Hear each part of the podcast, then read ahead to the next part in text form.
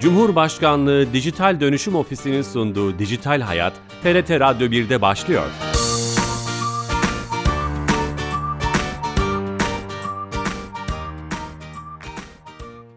Herkese merhaba, ben Bilal Eren. Teknoloji ve dijitalleşmenin hayatlarımızı etkilerini ele aldığımız Dijital Hayat programımıza hoş geldiniz.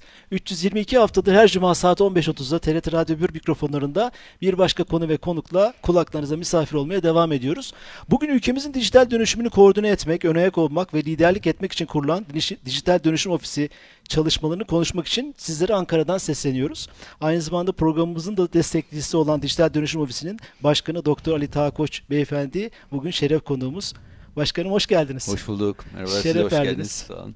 Ee, on- 16 ay önce 15 Aralık 2019'da gene size misafir olmuştuk ve e, konuşmuştuk. O günden bugüne o programda çok iyi hatırlıyorum. Programımızın e, e, ofisin dijital dönüşüm ofisinin 5'en 1K'sını yapmıştık. Yani neden kuruldu, niçin kuruldu, amaç, görev, sorumluluklar gibi. O günden bugüne 16 ay geçmiş. Tam da aslında sizin e, kurum olarak toparlandığınız ve e, e, e, organize ettiğiniz zamana denk geliyor. O 16 aylık zaman diliminde bir değerlendirme yapmak isterseniz neler yapabildiniz, neler yaptınız?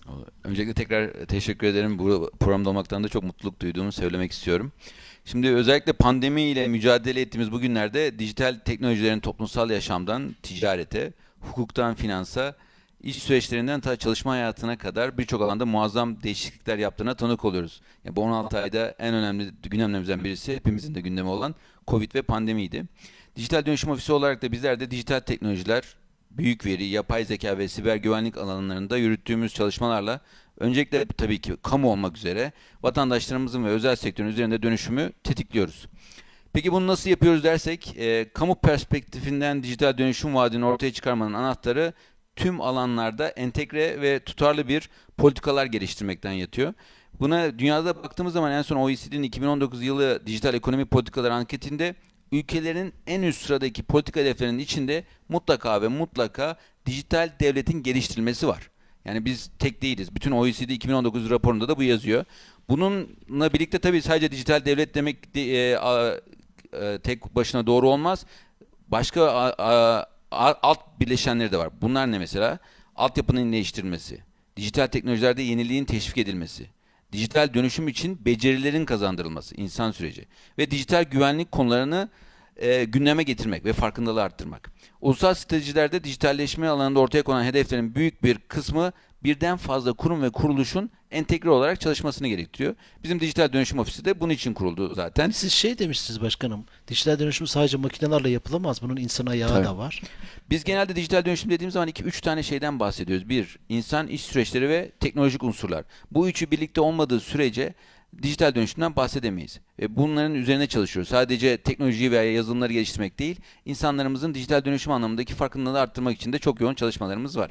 Şimdi konuk olduğumuz itib- tarihten itibaren bugüne geldiğimiz zaman dijital dönüşüm ofisi an- e, bir yandan kurumsal yapılanmamızı güçlendirdik.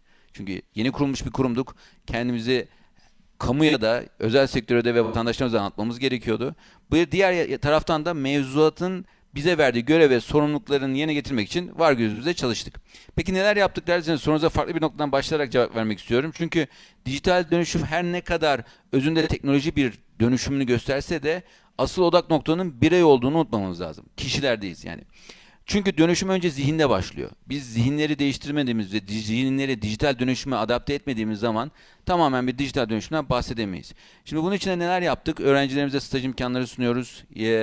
Resmi sosyal medya platformlarımıza her kesimle vatandaşımıza yönlendirici, bilgilendirici İçerik üretiyorsunuz. İ- içerik üretiyoruz. Çünkü sosyal medyanın en önemli şeyi sadece tweetlemek, likelamak değil, içerik üretmek lazım. Yani sosyal medya bir bilgi kaynağına dönüşmesi gerekiyor. Son 5 ayda çok istifade ettiğim o terimler üzerine çok Evet, içerik üretiyorsunuz. bu, bu aralar biraz da blok zincir ve kripto currency olayına da girmeye, e, insanlarımıza e, dijital dönüşümden öncelikle bilmemiz gerekiyor. Ondan dolayı teknolojileri bildiğimiz zaman o, onun tehditlerini de daha iyi anlayabiliyoruz. Onun bize faydalarını da daha iyi anlayabiliyoruz. Dij- dij- Dijital Dönüşüm Ofisi Türkiye'nin dijitalleşme sürecini kurumsal manada en yüksek temsil düzeyinde. Ve bunun içinde biz e, Sayın Cumhurbaşkanı Yardımcımız Fuat Oktay ile birlikte şu ana kadar 12 tane bütün bakanlıkların da içinde olduğu diye bürokrasinin dijital Türkiye ve bürokrasinin azaltılması toplantısı yapıyoruz. Yani bir ne yaptık? Devletin hangi aşamada olduğunu her iki ayda bir olmak üzere bazen bir ayda Covid sürecinde biraz daha aksamalar oldu ama şu ana kadar toplam 12 tane toplantı yaptık. Bu bakanlar ve bakan yardımcıların katıldığı bir Ne toplantılar. yap- ne- bu toplantının amacı ne? Burada bizim için biz biz bunu şey olarak görüyoruz. Bütün bakanlıklar ne yaptığını ve ne yapması gerektiğini bize söylüyorlar ve biz de bunların yol haritasını çiziyoruz. Şimdi bu şu zamana 2008 yılında kuruldu E-Devlet ve şu anda 13 yaş- yaşında. İlk kurulduğu zaman sadece 20 tane hizmeti olan bir e, e, kapıydı. Şu anda 5700'ün üzerinde hizmeti var. Yani biz bu her toplantıda hangi bakanlığımızın hizmeti az, hangisi fazla, hangisi daha iyi olabilir, hangi hizmetler eklenebilir gibi bakanlıklarımızla beraber yol haritamızı çiziyoruz ve onun da takibini yapıyoruz. Çünkü bir, bir de takibini yapmak çok önemli. Her toplantıda bir önceki toplantıda alınan kararlar üzerinden geçiliyor ve yeni kararlar ekleniyor. Böylece hizmetimizi, vatandaşımıza en doğru hizmeti vermek için Kamu kurumlarının e-devlette yer alması değil mi? Tüm Evet. servis ve hizmetlerin. ve bunun yanında tabii e, siber güvenlik var, yapay zeka var. Yani bu konularda konuşuluyor ama ilk maddemiz her zaman bu toplantılarda e-devletteki hizmetlerimizin ve özellikle sıfır belge politikamızın nasıl olması gerektiği. Çünkü bizim bir hedefimiz var. Sıfır belge diyoruz. Bunun için de e, bu 16 e, 2 yıllık süreçte bir Cumhurbaşkanlığı kararı e, 41 tane mevzuat değişikliği ile 111 iş sürecini sadeleştirdik. Yani bunlar resmi gazetede çıktı. Biz sadece hizmetlerin dijital ortama aktarılması değil, aynı zamanda süreçlerin de kolaylaştırılması ve iyileştirilmesi yönünde çalışıyoruz. Yani insan, iş süreçleri ve teknoloji unsurların bütüncül bir dönüşümü. Sadece ben kötü bir iş süreciyle yapılmış, yani çok fazla belge isteyen bir e, hizmeti dijitalleştirirsem performansı arttıramıyorum. O hizmetin de kalitesini arttırmam için iş süreçlerini de optimize etmem gerekiyor. Bunun dışında baktığımız zaman biz ne eksikler gördük? Biz hep veriye dayalı çalışıyoruz. Şunu gördük. e, yaşa göre en az kullanan vatandaşımız 65 yaş üstü vatandaşlarımız. Biz yaşa göre bir e-devlet kullanım oranını çıkardık. Mesela 30 ile 45 yaş arasındaki vatandaşlarımızın bütün nüfusumuzun %92'si e-devleti kullanıyor. Kullanım analizi yaptınız. Tabii. Çünkü biz e, veriye dayalı bir politika geliştirmemiz gerektiği için ama 65 yaş üstü vatandaşlarımıza baktığımız zaman da bunların %62'sinin kullandığını gördük. Demek ki burada bir açığımız var ve Covid sürecinden dolayı da bazı eksiklerimiz olduğunu gördüğümüz için dedik ki vatandaşımız bize gelmiyorsa eğer 65 yaş üzerindeyse biz ona gidelim. Ve 65 yaş üzerindeki vatandaşlarımız eğer başvururlarsa bize e-devlet şifrelerini ayaklarına götürüyoruz. Yani nasıl şu anda aşıyı ayaklarına götürüyorsak e-devlet şifresini ayaklarına götürüyoruz. Orada bir arkadaşlarımız eğitim veriyor. Ve böylece o yaş e, 65 yaş üstü biraz da yaşlı vatandaşlarımızın bu Türkiye çapında her yerde başvuruyorsunuz. Hayatınızda hiç e-devlette bilmediniz, şifre almadınız ve 65 yaş üzerindesiniz. Ama biz sizin artık dijitalleşmenizi istiyoruz. Teknolojide bizim bu hizmetlerimizden faydalanmanızı, faydalanmanızını istiyoruz. Ondan dolayı da böyle bir proje başlattık. E, bu da proje çok iyi gidiyor şu ana kadar. Şunu da söyleyeyim bu Covid sürecinde yaptığımız en önemli şeylerden birisi de vatandaşımıza dönelik 500 üzerinde yeni hizmet ekledik hızlı. Belki dünyada da herkes devletleri dijitalleştiriyor ama Türkiye'deki en önemli artımız biz çok hızlı hareket edebiliyoruz. E, iş sektörüne yönelik de 300 tane hizmeti hemen dijitalleştirdik. E, böylece Covid sürecini herhangi bir sorun yaşamadan atlatabilmiş olduk. Onu o O anlamda kar baktım. topu etkisi başladı e-devlette. Artık o yürür yani bir şekilde. O, Tabii o iş. insanlarımız bir kere alıştığı zaman e, kullanmaya devam ediyorlar. Çünkü sayılarımız da onu gösteriyor. Şu anda 54.4 54.1 milyon kullanıcımız var. Ve her sene artıyor bu rakamımız. Biliyorsunuz 16 yaş üzerindeki vatandaşlarımız e-devlet kullanıcısı olabiliyorlar. Bu da yaklaşık olarak 60 milyon gibi bir nüfusumuza e, geliyor. İşte 65 yaş üstündeki vatandaşlarımızı eklediğimiz zaman inşallah e, bu sayılara hedeflerimize yani %100 Türkiye'deki her ev kullan- vatandaşımızın e-devlet kullanmasını istiyoruz. Rakamlara baktığımızda da bunu görüyoruz. Mesela 2018'de e, 2019'da 1 milyar olan toplam giriş sayımız 2020'de 2.4 milyara çıktı. Yani %100'ün üzerinde 2,5 katına arttı. Bu sene de çok iyi gidiyoruz. Şu ana kadar ya neredeyse 800 milyona geçtik 1 milyara daha yarı se- sene yarı, e, yılın ortası olmadan ulaşacağız. Peki neler ekledik?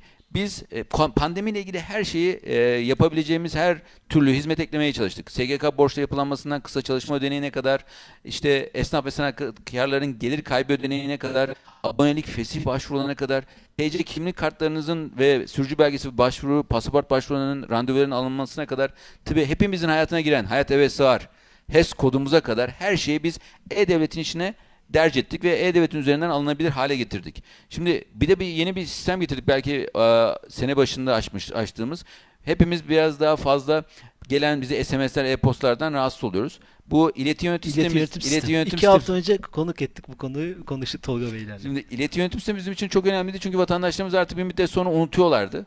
Çünkü E-Devlet'in önemli şeyi sizin dijital varlıklarınızın da farkındalığını arttırmak.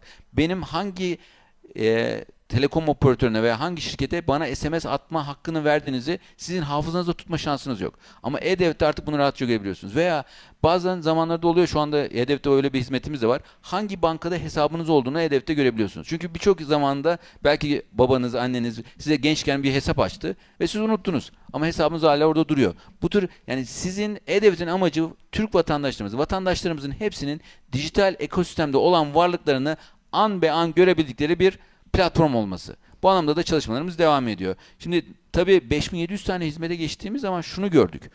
Hizmetleri bulması da zorlaşıyor. Bir arama motoru kurduk ama arama motorunda da hedefe ula- ulaşmadığımızı görünce yeni bir e, paradigma değişimine gittik ve bütünleşik hizmet dediğimiz konu odaklı hizmete geçtik. Herkesin bir aracı var. Aracınızla ilgili hizmetleri tek bir yerden bulabileceğiniz araçlarım hizmetini getirdik. Niye? Sizin e, Birçok işlem var araçla Tabii ilgili. aracınızla ilgili vergi ödemeniz var, maliyeye gidiyor. Muayenehanesi var. muayenesi var. TÜV Türk ulaştırmaya gidiyor. HES, ÖGS, ÖGS, HGS geçişi var.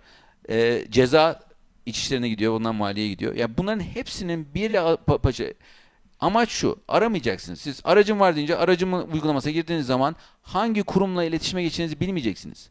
Şimdi burada da çok güzel bir örnek veriyorum. Geçenlerde yaptığımız bir ankette de gördük onu. Gençlere sorduk, e, adli sicil kağıdını hangi kurumdan alıyorsunuz diye.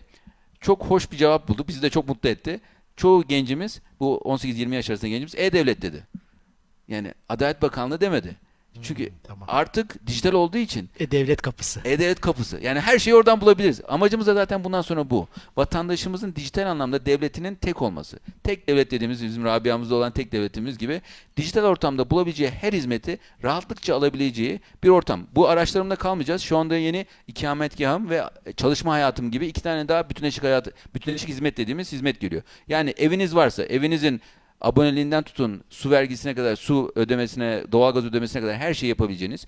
Bir de çalışma hayatım. İşte sigortanız ödemesinden emekliliğinize kaç güne kaldı, başvurusu. iş başvurusuna kadar ve yetkinliğinize kadar. Öğrencilik hayatım olabilir. Hani okul başvurusu, İşte KYK vesaire. Evet o mezuniyet iş hayatımda o da var. Çünkü iş mezuniyetinizi de oradan görebiliyorsunuz. Transkriplerinizi oradan alabiliyorsunuz. Yakın bir zamanda inşallah e, online transkript hizmetini de açacağız hizmet e, hizmet olarak. Amacımız şunu da söyledik biz vatandaşımızı dinleyeceğiz dedik. Kullanıcı odaklılık anlamında da eğer e, hep rakamlardan bahsetmek istiyorum ama Avrupa Birliği'nin yapmış olduğu en son e, çalışmada 36 ülke arasında kullanıcı odaklılıkta dördüncü olduk. Onların yaptığı analizde. Çünkü biz kullan vatandaşımızı dinliyoruz. Vatandaşımızın istediği hizmetleri getirmeye çalışıyoruz. Bu anlamda da baktığımız zaman e, vatandaşımız hep bunları istiyor. Ve biz de onları e, yerine getirmeye çalışıyoruz. Kullanıcıdan gelen geri bildirimleri kale alma anlamında değil mi? Çünkü biz şuna e, göreve başladığımız ilk gün şunu dedik. Her 6 ayda bir anket yapacağız. Ve en son anketimizde 800 bin kişi katıldı sağ olsunlar. Ve bize geri beslemelerle hangi hizmeti istediklerini açık uçlu sorular da var, kapalı uçlu sorular da var. Ve bize de çok mutlu eden bir motivasyonumuzu da arttıran bir şey oldu. Memnuniyet oranımız %95. Yani bu çok büyük bir oran. Zaten daha üstüne çıkmamız imkanı olur mu? Ama bu seviyede tutmak için de bizim çok daha çalışmamız lazım. Şunu da unutmamız lazım. Mesela bu tür endekslerde biz hep Türkiye'yi ilk 10'da tutmak istiyoruz. Şimdi ilk 4'e girdik ama bu iş durmakla durduğunuz zaman hep geri gidiyorsunuz. Çünkü diğer ülkeler de üzerine, üzerine koymaya çalışıyor ve yeni Sürdürülebilir olması gerekiyor. Tabii. Bizim hedefimiz bu tür endekslerde her zaman ilk 10'da olmak ve sürdürülebilir olarak o 10'da kalabilmek. Bunun için de çalışmalarımız, altyapı yatırımlarımız devam ediyor. Kamunun yani artık e-devlete karşı geçmişte olan direnci, kültür eksikliği hepsi onların giderilmiş gibi gözüküyor. Hatta can atıyorlar belki de hizmetlerini Kesinlikle oraya. bu 12 tane yaptığımız toplantının da bir amacı da ben bunu biraz da güzellik yarışması olarak gösteriyorum. Yani veya başarı yarışması. Çünkü her kurum daha fazla ne yapabileceğini. Çünkü bunun bir faydasını gördük. Özellikle Covid sürecinde ne kadar faydalı olduğunu gördüğümüz için bütün kurumlar ellerinden geldiğince hizmetlerini dijital ortama aktarmak için yarışıyorlar diyebiliriz. Müthi- mü- müthiş bir şey. Bu içerik planlamasında bir aslında dijital tayfa belki Evet. o, o, bahsedilebilirdi. Evet, Onu şimdi şöyle bir durumumuz var. için. Biz bütün sosyal medya platformlarını kullanmak istiyoruz ve TRT'de de çok güzel bir çalışma yaptık. Biliyorsunuz Rafadan Tayfa çocuklarımızın ve gençlerimizin ve onları izlerken de anne babalarımızın çok yakından izlediği bir TV programı. Ee, ben de çok yakından e, izi- severek izliyordum. Onlarla bir içerik oluşturduk ve dijital tayfa diye tamamen dijital teknolojilerin doğru ve etkin kullanımına yönelik bilinçlendirme yönelik bir çalışmalar seri oluşturduk. Orada e, oyuncakların interneti, nesnenin interneti yerine oyuncakların internetinden dronları kodlamaya kadar işte e, oltalama saldırılarına kadar şifre güvenliğine kadar esprili şekilde bilmiyorum, e, e, vatandaşlarımız eğer seyirci, dinleyicilerimiz dinle, izlemedilerse izlemelerini tavsiye ediyorum. Çok yoğun bir şekilde de izleniyor. Çok güzel de geri beslemeler aldık. E, inşallah yeni bölümlerini de yapacağız. Çünkü içerik dijital içerikler bitmez. E, ama hem kolay hem de çünkü teknoloji konular biraz anlatması zor. Bunları çocuklarımızın anlayacağı dile getirebilmek hem böyle TRT'nin de ve dijital ta Rafadan Tayfa ekibinde çok yoğun çalışıyor. Bizim ekibimizle beraber yayın çalışması sayesinde çok e, kaliteli bir içerik. Yani dönüp dolaşıp her şey içeriye geliyor. Sadece İçer çocuklar için değil, tüm kuşaklar için dijital teknolojileri doğru kullanım. Doğru. Yani son yaşadığımız bir sürü skandallar, veri ihlalleri vesaire hani hep hep gündemde haber oluyor. Bunları nasıl doğru kullanacağımızı bilmekle Çünkü ilgili çok yapacak iş var. Siber güvenlik dijitalleştiğiniz zaman siber güvenlik günümüzdeki belki en ünlü ve en büyük teknoloji firmaların bile yakın zamanda gördük. Veri ihlallerine maruz kalabiliyorlar. Çünkü büyüdüğünüz zaman saldırılara açık, açık oluyorsunuz ve saldırılara karşı bir daha hedef oluyorsunuz. Çünkü çok büyüksünüz. Bir 10 kullanıcılı bir sistemi hacklemek mi veya ele geçirmek mi? E-Devlet gibi 54.1 milyon kullanıcısı olan bir sistemi ele geçirmek. Onun için de her zaman TürkSat'la beraber altyapı yatırımlarımıza devam ediyoruz Allah ki. Allah nazardan saklasın diyorum. Allah çok şükür. Devletle ilgili çok büyük bir şey yaşamadık evet. bugüne kadar. Demek ki orada ciddi bir altyapı yatırımı ve sürdürülebilir bir teknoloji var. Başkanım peki e, bu arada yeni katılan dinleyicilerimiz vardır. Tekrar etmek istiyorum. Dijital Dönüşüm Ofisi Başkanı Doktor Ali Tağkoş Beyefendi ile beraberiz. Ee, Ankara'dan canlı yayındayız.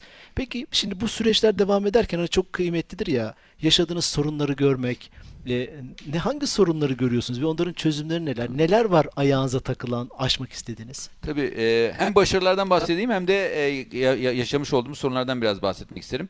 Şimdi Cumhuriyetimizin 100. yılını olan 2023 yılına doğru ilerlerken kritik teknolojilerin yer, yerleştirilmesiyle beraber toplumsal refahı artıracak dijital hizmetlerin yaygınlaştırılması ülkemizin önemli öncelikleri haline geldi. Biz buna Dijital Türkiye vizyonu ve milli teknoloji hamlesi doğrultusunda hedeflerimizin en büyük taşıyıcısı da en önemli şeylerden birisi de yapay zeka. Şimdi bu başarılı dönüşüm örneklerinden birisinden bahsederken yapay zekadan da bahsetmek istiyorum. Çünkü bizim en önemli şeylerimizden birisi veri kamu olarak da çok büyük bir veri havuzuna sahibiz. Bu verinin değere dönüşmesi ancak yerli ve milli bir ruhla olabilir.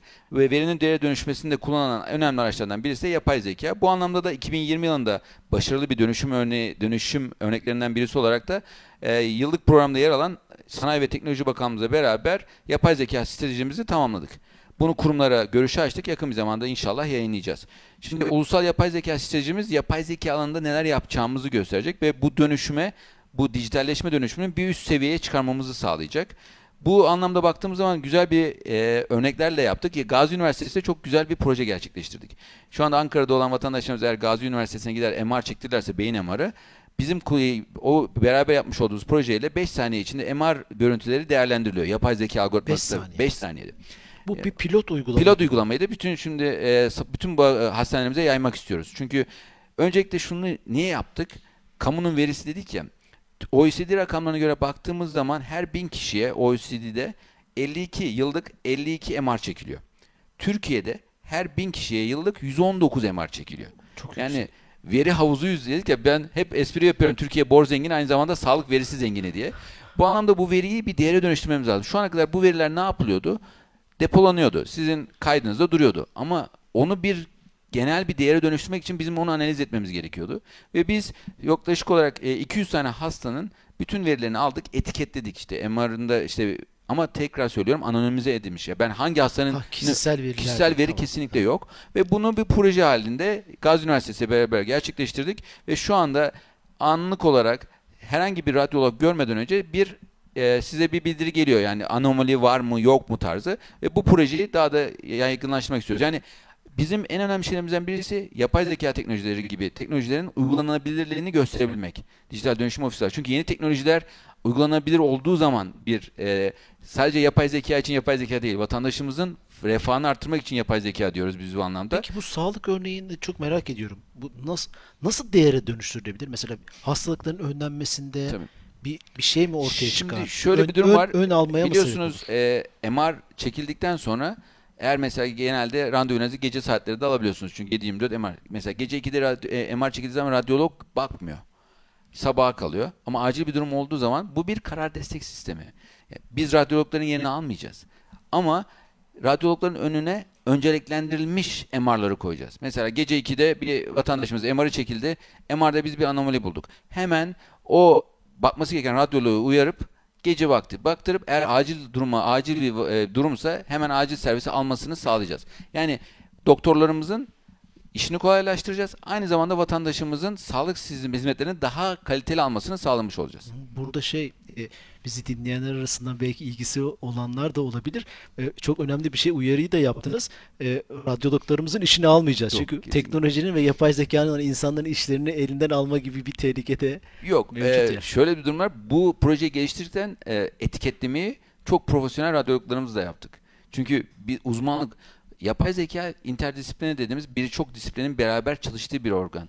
Yani sadece mühendislerin yapabileceği bir şey değil.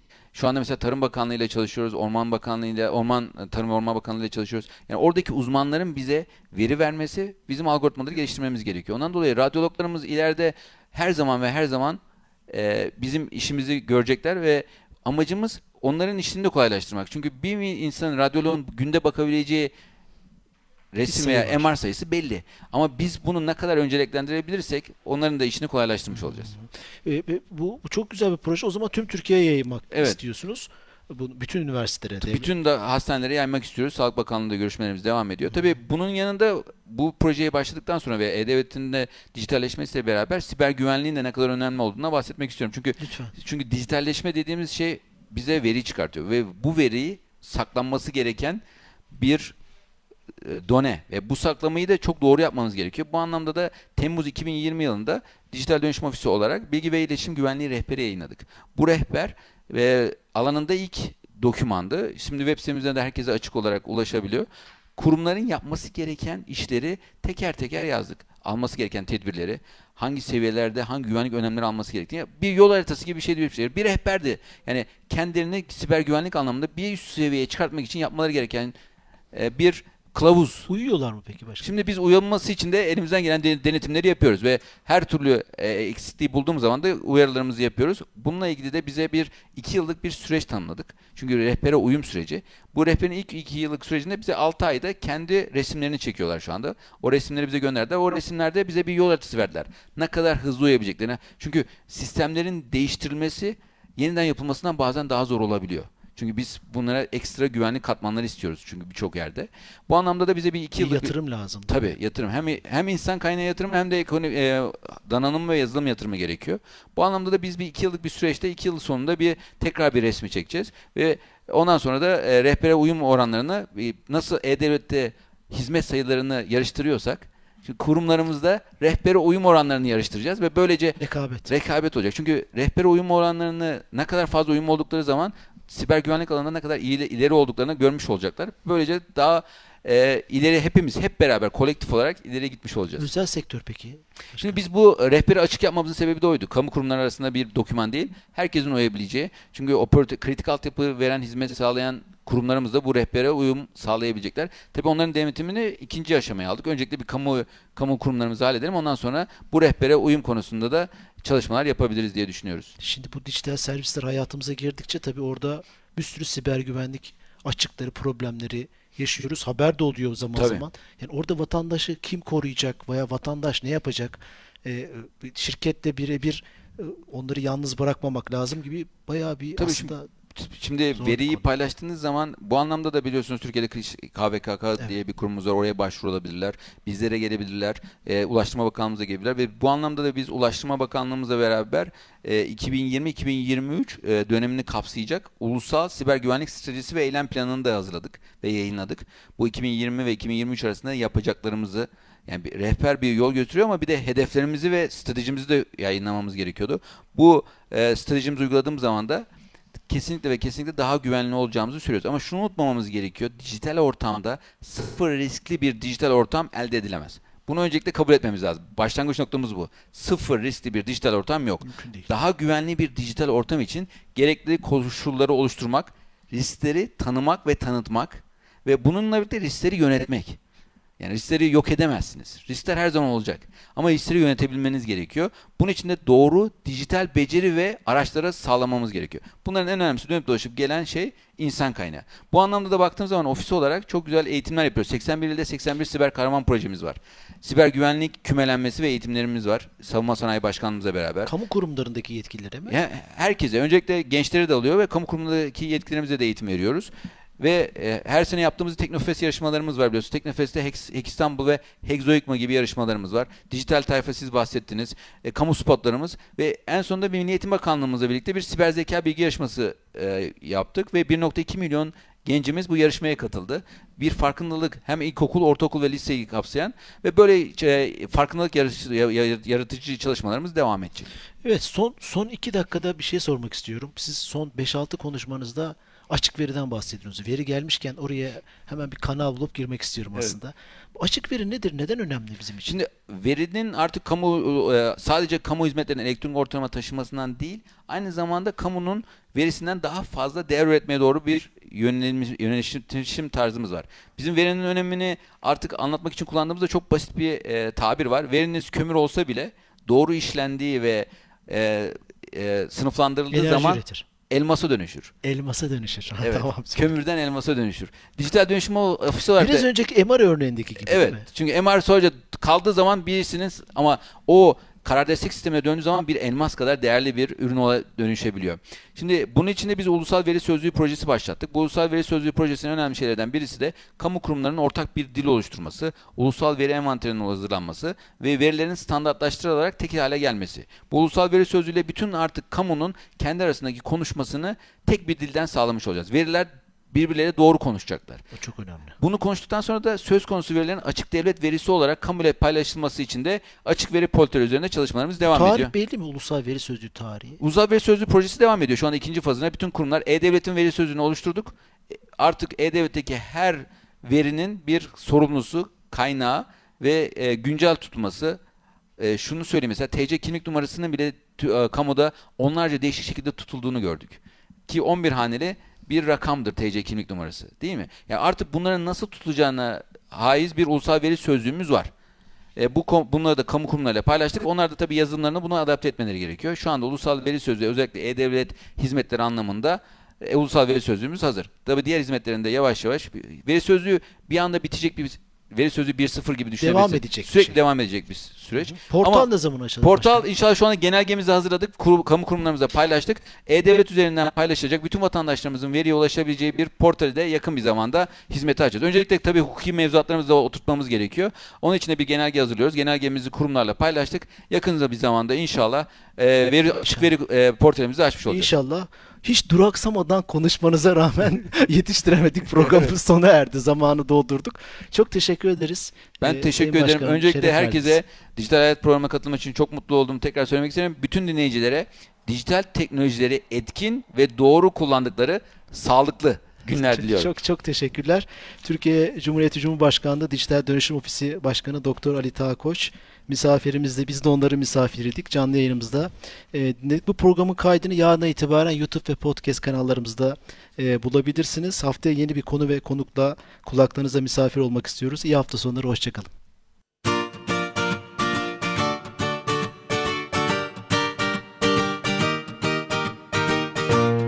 Cumhurbaşkanlığı Dijital Dönüşüm Ofisi'nin sunduğu Dijital Hayat, TRT Radyo 1'de sona erdi.